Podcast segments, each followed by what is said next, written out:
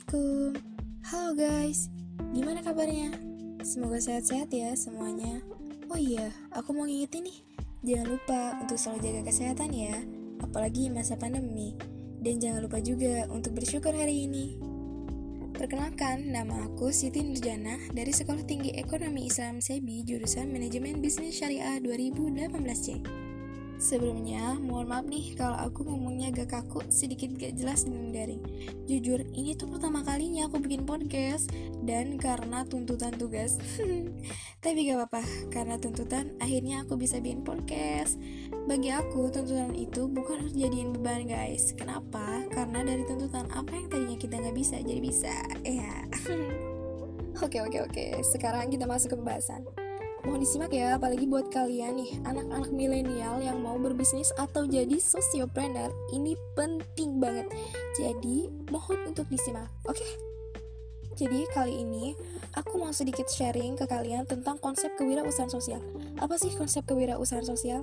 Jadi, kewirausahaan sosial adalah tentang bagaimana menetapkan pendekatan praktis, inovatif, berkelanjutan yang dapat memberikan dampak positif pada masyarakat, khususnya masyarakat menengah ke bawah. Biasanya, kewirausahaan sosial ini bertujuan untuk mengatasi masalah-masalah ekonomi atau sosial yang berawal dari keresahan pribadi seperti kemiskinan, pengangguran, dan lain-lain. Namun, pada saat yang bersamaan juga, melihat peluang usaha yang dapat dimanfaatkan jadi sebuah usaha. Kewirausahaan sosial tidak hanya memikirkan keuntungan semata nih, tetapi melainkan memasukkan nilai-nilai sosial, juga nilai-nilai kepedulian dalam perolehan dari keuntungan tersebut. Nah, sekarang apa aja sih konsep yang harus ada di sociopreneur? Jadi guys, ada empat yang harus ada di sociopreneur, yaitu yang pertama yaitu social value atau nilai sosial. Ya namanya juga kewirausahaan sosial yang pastinya itu harus bermanfaat bagi sosial. Nah, yang kedua yaitu civil society atau masyarakat sivil. Perusahaan sosial membutuhkan masyarakat secara sosial dalam memanfaatkan modal yang ada. Masyarakat sivil tidak datang dengan sendirinya, melainkan melalui unsur-unsur sosial yang menjadikan terwujudnya tatanan masyarakat madani, yaitu wilayah publik yang bebas adanya demokrasi, toleransi, kemajemukan, dan keadilan sosial. Nah, yang ketiga yaitu inovasi. Inovasi adalah hal yang nggak bisa nih dipisahin dari kewirausahaan sosial, di mana dapat berupa inovasi pada bisnis, pada proses produksi, pemasaran, dan upaya penyelesaian masalah lainnya. Nah, yang terakhir nih, yang keempat yaitu economic activity atau aktivitas ekonomi, yaitu kewirausahaan sosial harus mampu membangun antara aktivitas sosial dan bisnis. Jadi, dua-duanya itu harus jalan, guys. Sekarang aku akan kasih contoh sociopreneur, usaha yang memiliki empat hal yang tadi nih. Sekaligus kita akan observasi dari contoh ini. Nah, kenapa aku kasih contoh? Biar kalian yang lagi dengerin podcast aku tuh lebih paham lagi dan uh, tentunya ada gambaran. Takutnya di materi itu kalian kurang paham sama penjelasan aku tadi. Makanya aku kasih contoh.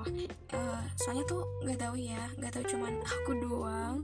Uh, jadi kalau misalkan cuman materi aja tanpa contoh praktiknya tuh kayak ya udah gitu nggak ada gambaran remeng-remeng kayak uh, gelap aja gitu. Ini mungkin karena otak aku yang terlalu kentang kayaknya. Tapi aku percaya sih kalian yang lagi dengerin podcast aku pasti otaknya tuh pada cerah semua.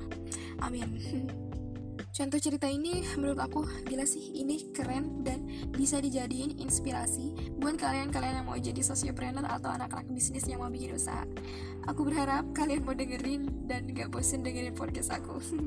ini maaf ya kalau misalkan aku sedikit ngos-ngosan, soalnya aku bikin podcastnya tuh di dalam lemari biar uh, suaranya tuh bagus gitu.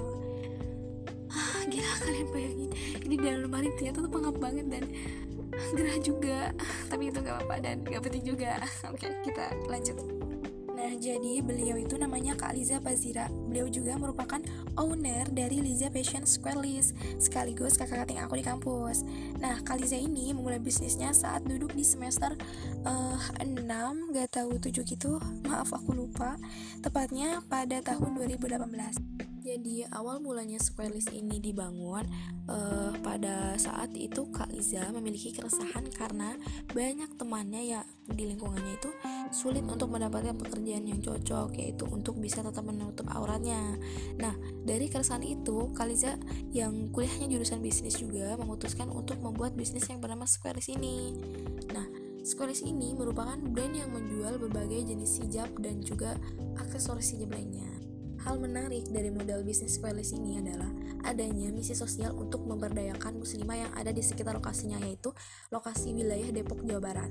Nah, misi ini juga diwujudkan dengan melibatkan ibu-ibu nih guys.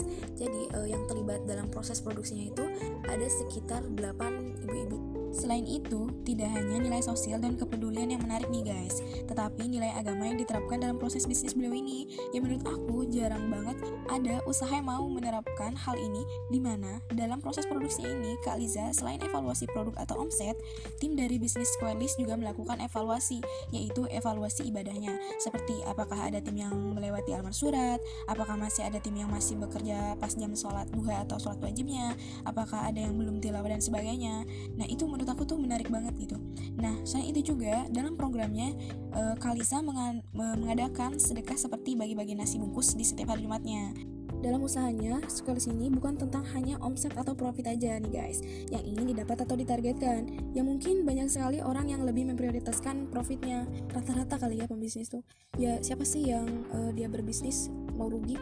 Yang ada tuh pengen dapat keuntungan sebesar-besarnya, ya nggak sih? Nah kalau square list dia tuh dibalik guys. Jadi square list itu di mana amalan yang akan diberikan dari hasil omset.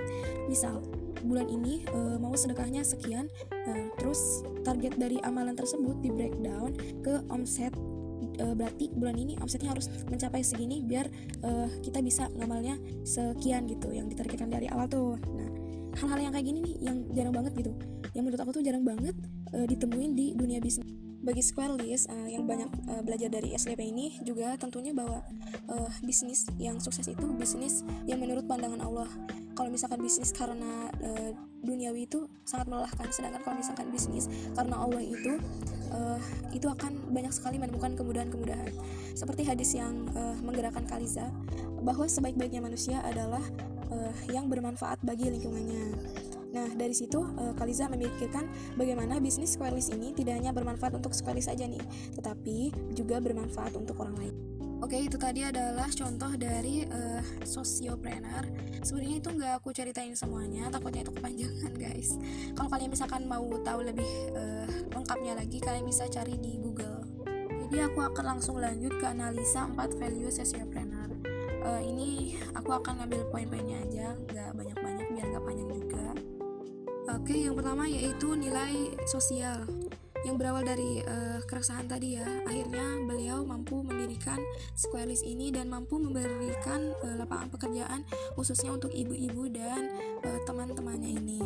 Uh, selain itu juga karena uh, beliau ini suka bersedekah, jadi banyak sih uh, dampaknya itu bagi lingkungan sekitarnya. Yang kedua yaitu civil society atau masyarakat sipil, uh, yaitu orang-orang yang uh, berkaitan langsung sekaligus uh, terkena dampak positif dari usaha bisnis ini ya. Ya tadi itu ibu-ibu sama uh, para muslimah atau teman-teman Kak Aliza yang uh, kesulitan mendapatkan pekerjaan. Sekarang yang ketiga yaitu inovasi. Sebenarnya yang inovasi ini tadi nggak aku ceritain karena tadi itu takut kepanjangan. Jadi sebenarnya Squarespace ini nggak hanya jualan hijab aja atau aksesoris hijab tetapi Squarespace juga membranding dirinya pada tahun 2020 kemarin yaitu membuka jasa voal yaitu jasa desain seperti nama perusahaan atau logo-logo yang bisa by request. Nah selain dari uh, jasa voal tadi uh, Squarespace juga uh, bisa disebut kayaknya bisa disebut inovasi dan unik dalam bisnis Squarespace ini. Uh, yang di mana Kaliza ini yang mungkin seperti yang aku tadi bilang bahwa Kaliza ini bukan hanya sebagai sosiopreneur tapi juga sebagai uh, investor akhirat.